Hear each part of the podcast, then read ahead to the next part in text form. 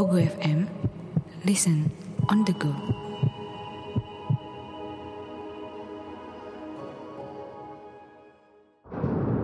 Hai, saya Chow Sing Sing.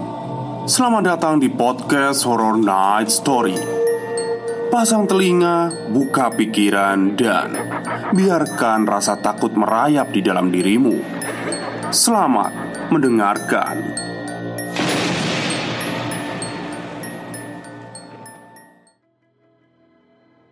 Assalamualaikum warahmatullahi wabarakatuh. Halo semuanya Jumpa lagi dengan saya Chow Sing Sing Kurator dari podcast Horror Night Story. Halo apa kabar semuanya? Semoga kalian semua sehat-sehat ya. Dan seperti biasanya Pada siang hari ini saya kembali Dan akan menghadirkan sebuah kisah mistis untuk kalian semua Kisah mistis kali ini saya datangkan dari treat horornya Black ID Yang menceritakan sebuah Bukan sebuah ya Ya sebuah, sebuah jalan Yang ternyata jalan itu dikuasai sesosok makhluk halus. Oke daripada kita berlama-lama Mari kita simak ceritanya Hati-hati kalau ketemu sama sosok kakek yang menggowes sepedanya di area hutan sekitar Jawa Barat. Biasanya dekat-dekat atau setelah maghrib, tepat di angka jam enaman lah, karena yang mendahului dia bakal ketemu lagi dengannya di depan, dan terus berlanjut kayak gitu. Sampai lo tersesat dan jauh dari tempat tujuan lo tersesat sampai matahari kembali terbit kalau lo beruntung. Kalau enggak ya bisa berminggu-minggu. Lo ada di hutan atau bahkan bisa mati di hutan itu. Hai, selamat malam semuanya. Gue mau ceritain soal kisah kakek goes yang katanya meneror beberapa orang di sekitar hutan daerah Jawa Barat. Ada beberapa narasumber yang ingin speak up soal kisah ini. Mereka yang kena teror kakek goes ini. Oke, sosok kakek goes dengan sepeda tuanya yang sering kali diperbincangkan berada di daerah hutan sekitar Jawa Barat. Gue berasal dari provinsi yang sama, tapi belum pernah tuh gue ngalamin teror yang sama seperti para narasumber kita ini. Tapi nama kakek gue sering gue denger dan gak asing lagi di telinga gue. Informasi yang beredar, kakek gue ini paling tidak mau didahului oleh siapa pun saat dia sedang mengayu sepedanya. Karena dia merasa daerah yang dia lalui adalah wilayahnya sendiri. Narasumber kita tidak mau memberitahu dan menginformasikan dengan gamblang daerah atau tempat pastinya. Jadi, buat teman-teman yang membaca cerita ini atau mendengarkan kisah ini yang familiar atau bahkan tahu dengan tempat kejadiannya, tolong dirahasiakan ya. Jujur li, Gue merinding banget setelah mendengar keseluruhan cerita dari mereka yang diteror. Oke, gue bakal mulai cerita dari kejadian yang menimpa narasumber pertama kita. Sebut saja namanya Ucup, pria berumur 35 tahun yang bekerja di warung kecil pinggir jalan. Warungnya tak jauh dari lokasi hutan lebat dan sungai yang suara derasnya terdengar sampai ke warung kecil miliknya. Seperti biasa, tiap pagi Ucup berangkat dari rumahnya menuju warung untuk menyiapkan barang dagangannya, seperti air mineral, snack, dan lain-lain. Namun, di sore harinya adalah sore tersial menurutnya. Lebih tepatnya adalah sore terakhir dia melewati daerah itu. Waktu itu sekitar pukul 5 sorean mungkin. Tiba-tiba saja Barang dagangan Ucup lari semuanya. Tidak seperti biasanya. Ada sekitar 4-6 mobil yang berhenti di warungnya Dan nyaris memborong seisi dagangan yang ada di warung kecil itu Jalanan memang biasanya sepi Dan hanya ada beberapa pembeli ke warung Ucup Namun, jalan utama menuju ke tempat wisata ditutup karena ada perbaikan sehingga semua kendaraan mencari jalan pintas dan salah satunya ke jalan tempat warung kecil Ucup ini. FYI, bukan warung Ucup saja yang ada di sekitar hutan lebat itu. Sekitar enam warung kecil lainnya yang jaraknya agak berjauhan dari Ucup ada di sana. Namun, para wisatawan lebih tertarik dengan warung Ucup karena warungnya cukup bersih dan agak luas. Sangat cocoklah untuk beristirahat sejenak. Alhamdulillah, dagangan udah habis di jam segini. Kayaknya bakal banyak wisatawan lagi yang lewat. Rezeki dari jalan utama ditutup nih. Sumringah ucup sambil membereskan sisa-sisa dagangannya. Satu mobil pickup menepi, membawa penumpang di bagian belakang mobil. Mereka baru keluar dari area hutan dan mau pulang. Semuanya terlihat capek. Ucup kaget karena benar saja dugaannya. Para wisatawan masih ada yang lewat. Duh, gimana nih? Udah habis nih.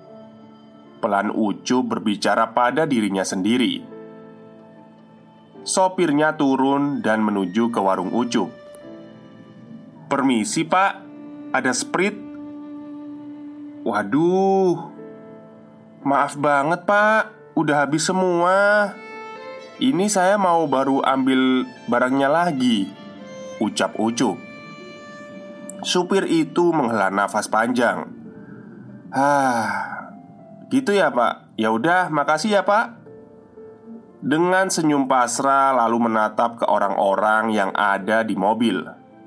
"Kosong warungnya, habis semua!" teriaknya pada mereka.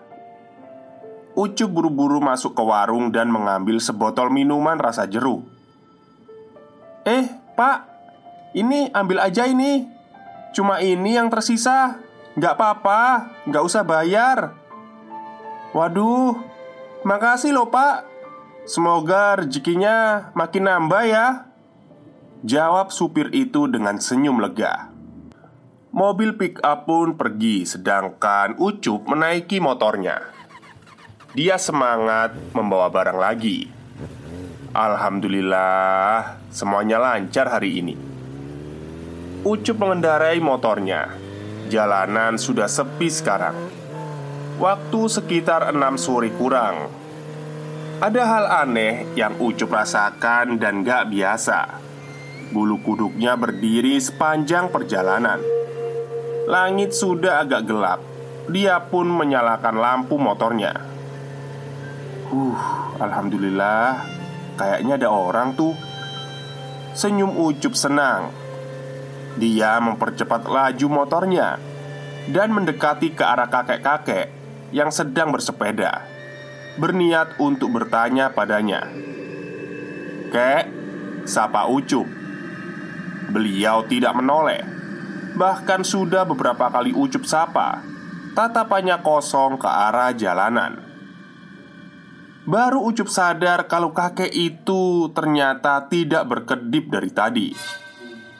Rasa takut Ucup semakin menggebu, apalagi langit sudah semakin gelap. Suasana di hutan makin sepi dan sunyi. Anehnya lagi, suara goesan sepeda sangat terdengar jelas di telinga Ucup. Angin berhembus begitu dingin tajam, menerpa seluruh isi tubuh Ucup. Tanpa berpikir panjang lagi, Ucup mengegas motornya dan menyalip si kakek itu. Degup jantungnya berpacu begitu cepat. Beberapa menit kemudian, Ucup menghela nafas lega karena akhirnya bisa melewati kakek tua itu yang menurutnya aneh. Kenapa ya bapak barusan? Bisu apa buta sih? Bisik Ucup dalam hati. Tapi Dia kembali dikejutkan Dengan sosok kakek bersepeda tua Yang sekarang ada di hadapannya lagi Dengan jarak yang agak jauh. Ucup membuka matanya lebar-lebar Dan memastikan apakah penglihatannya benar atau salah Semakin mendekat ke arah kakek itu Dia yakin kalau itu memang kakek yang sama dengan yang dia lewati tadi. Tanpa dia sadar, ada perbedaan besar. Kakek yang dia sapa tadi itu kini berlumuran darah dengan rantai sepeda karat yang ada di lehernya. Mata si kakek nyaris menonjol keluar dengan berlumuran darah yang berjatuhan di aspal. Astagfirullah Ucup berteriak histeris. Seluruh badannya sekarang terasa lemas. Dan dia segera mengegas motornya jauh lebih kencang sekarang. Dilihat dari kaca spion Kakek itu menggowes sepedanya makin cepat Dengan wajah seramnya Ucup mengendari motor sangat cepat Sampai dia memastikan Bahwa kakek tua itu tidak lagi mengikutinya. Sudah sekitar satu jam Ucup mengendarai motornya Tapi tak sampai-sampai Jarak yang biasanya Ucup tempuh Hanya sekitar 20 menitan Ke area ramai dekat rumah Dan gudang pengambilan barang dagangannya Ucup berhenti di pinggir jalan dengan nafas yang naik turun Perasaannya makin resah dia segera mengecek HP-nya. Rupanya sudah jam 18.30. Ucup melotot kaget dan menatap ke langit yang sudah gelap. Ucup kembali mengecek layar HP-nya. Tidak ada jaringan di sana. Mau gimana lagi? Cobain aja terus maju sampai bisa pulang.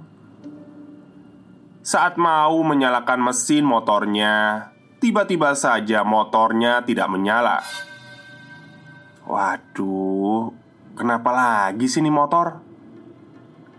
Angin bergerak kencang membawa dedaunan Sampai dahan pohon terbang Ucup memustuskan untuk berteduh di bawah pohon di pinggir jalan Suara langkah kaki tiba-tiba mendekati ke arahnya Ucup sendiri tak berani untuk membalikan badannya Suaranya makin mendekat. Kini, sosok itu dibarengi dengan suara gesekan besi-besi. Ucup langsung teringat muka kakek goes tadi. Itu si kakek yang menggowes sepedanya tadi kan? Yang rantainya dikalungin. Huh. Ucup panik dan makin gemetar. Suaranya makin mendekat hingga sentuhan tangan yang terasa dingin hinggap di bahu Ucup. "Kamu kenapa mendahului saya?"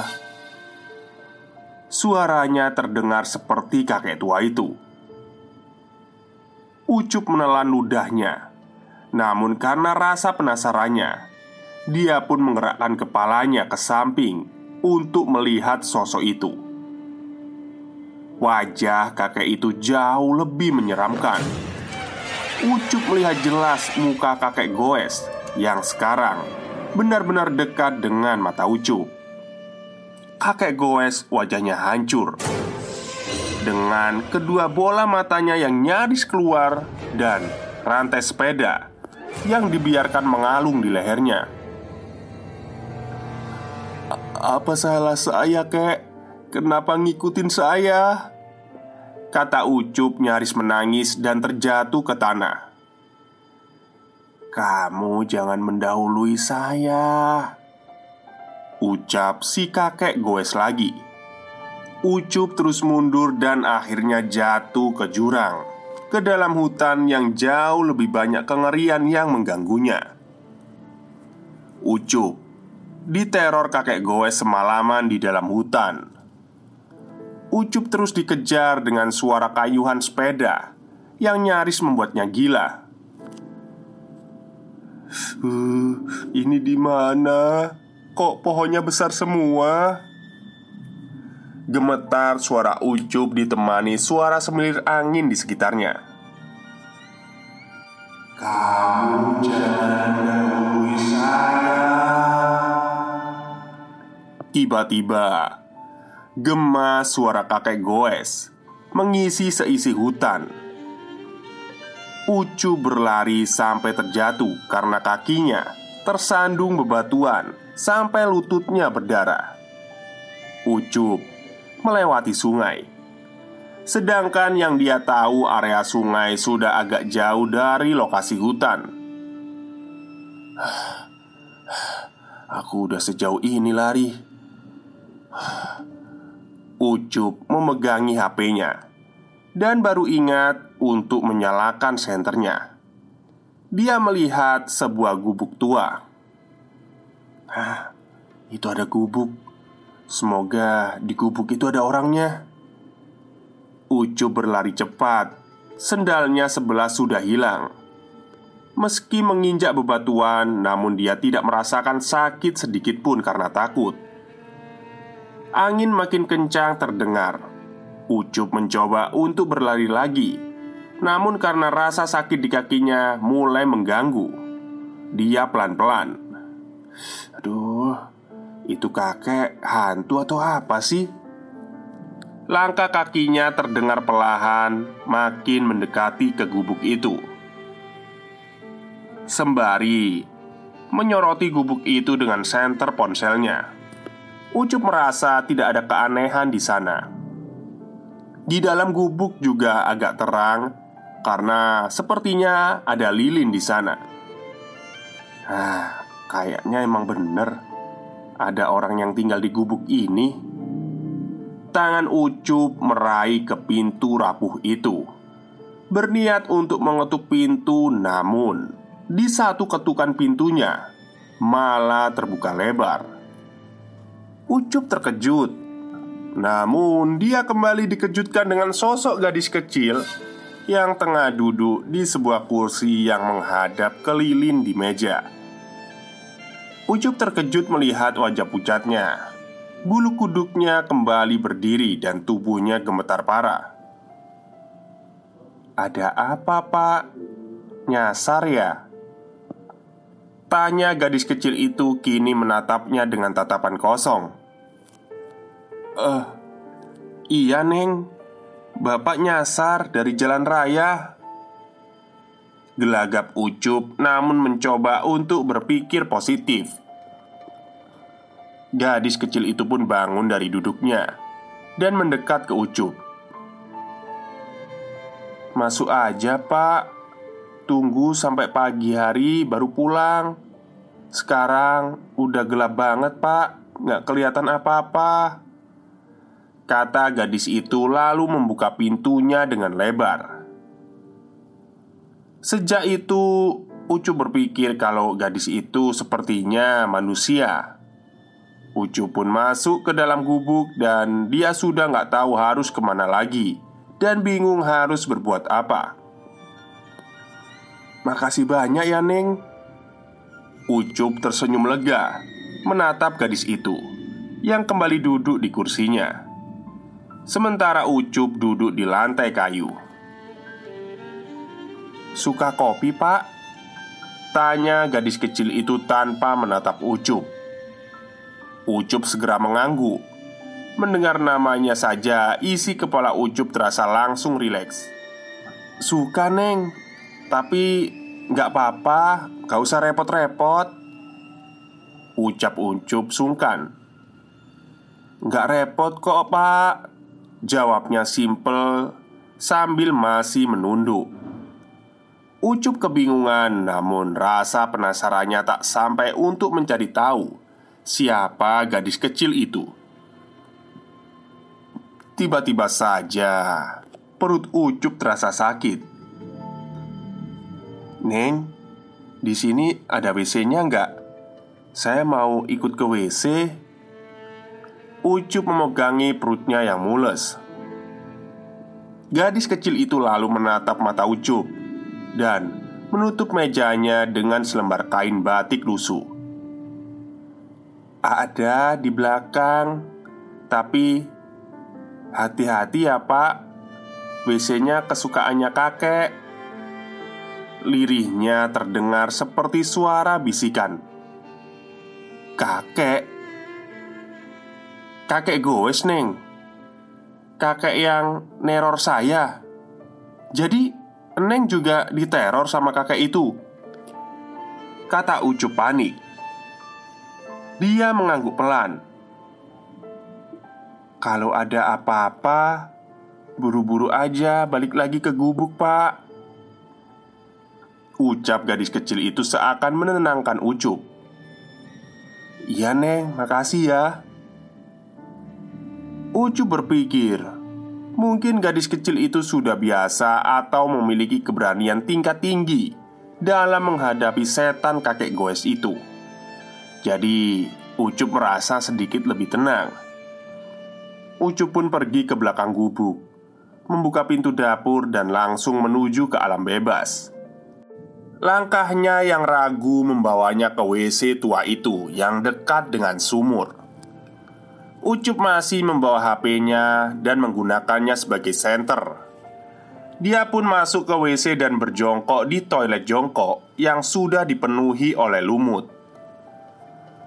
Beberapa menit kemudian, Ucup mulai kepikiran. Tunggu dulu. Anak gadis segede itu tinggal di dalam hutan sama siapa ya? Ibu bapaknya ke mana malam-malam begini? Itu anak apa nggak takut? Pikir Ucup Semilir angin terasa masuk dari luar Karena WC itu memang atasnya agak terbuka Gentengnya tidak dipasang semua Entah memang tidak ada atau terjatuh. Lagi-lagi Ucup merasakan hawa yang tidak enak. Entah kenapa dia merasa ingin sekali menatap ke atas WC Tepat di bolongan WC itu. Bodohnya Ucup langsung melakukannya. Astagfirullahaladzim Kata Ucup histeris Dan segera memasang celananya kembali. Dia melihat sosok kakek goes itu Nongol dari lubang atap Dengan wajah yang hancur Dan mata yang hampir keluar Serta lidahnya yang panjang menjulur Sampai mengenai sedikit kulit kepala Ucup. Rasa mulesnya hilang seketika Ucup berlari ke setanan dan kembali ke gubuk itu Sesuai dengan perintah gadis itu. Neng, Neng, Neng. Teriak Ucup kembali ke tempat gadis itu berada. Si kakek ya pak? Tanya gadis kecil itu dengan nada santai. Ucup duduk di lantai kayu dengan nafas ngos-ngosan. Keringatnya mulai bercucuran Iya neng. Kaget banget bapak. Lidahnya panjang banget. Ih, ih. Jelasnya terpotong-potong. Pelan-pelan pak bicaranya. Udah gak ada kok. Kata gadis kecil itu lalu menyodorkan secangkir minuman panas untuk Ucup. Ucup menerimanya dengan tangan yang masih gemetar. Ini kopi ya Neng Makasih banyak ya Neng. Saat hendak menyeruputnya Mata Ucup terbuka lebar. Dia terkejut Melihat apa yang ada di dalam gelasnya.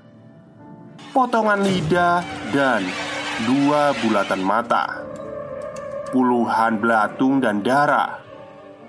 Refleks Ucup menjatuhkan kopinya dan gelasnya pecah Neng, ini apa Neng? Takut Ucup saat kembali menatap ke arah gadis itu. Ternyata gadis itu sudah berada di atas, di langit-langit kayu, dengan kaki yang melingkar di kayu. Badan dan kepalanya menghadap ke depan Ucup. Wajah gadis kecil itu hancur dengan kepala yang hampir putus dari lehernya. Ucup mematung dan tak bisa berkata apa-apa lagi. Gadis kecil itu tersenyum sambil taring giginya terlihat. Bapak mendahului kakek ya di jalan. Tanyanya diiringi tawa nyaring. Ucup segera keluar dari gubuk dan di depannya sudah disambut oleh kakek goes dengan wajah yang hancur itu.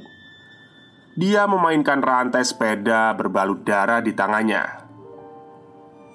"Kamu mau mendahului saya lagi?"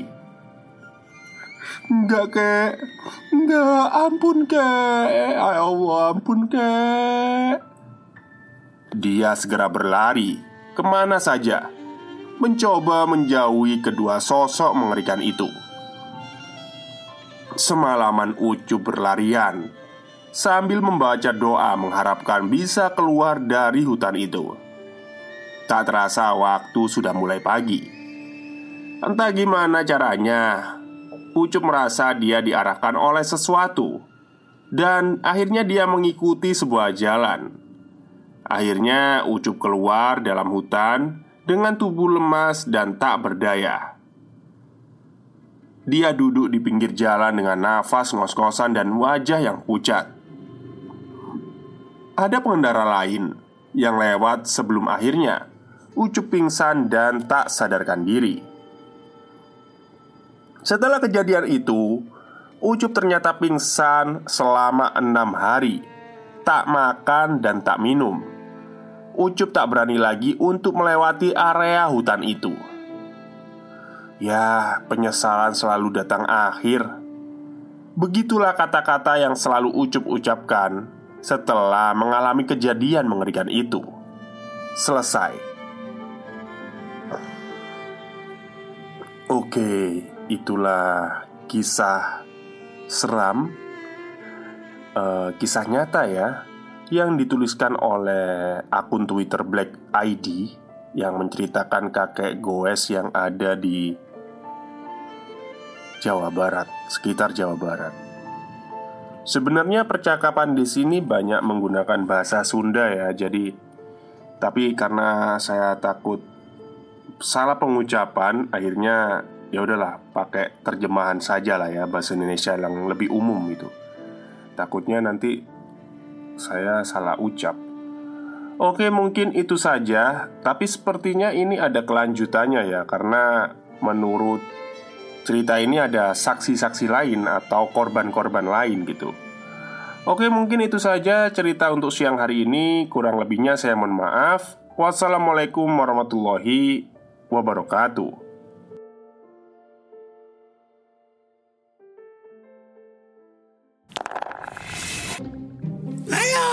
Acung. Aku Ambuta. Kami dari podcast Dua Demit. Hantu juga punya problematika Emangnya manusia doang? Penasaran kan? Makanya dengerin keluh kesah kita tiap malam Jumat dan malam Minggu eksklusif di Pogo FM. Pogo FM.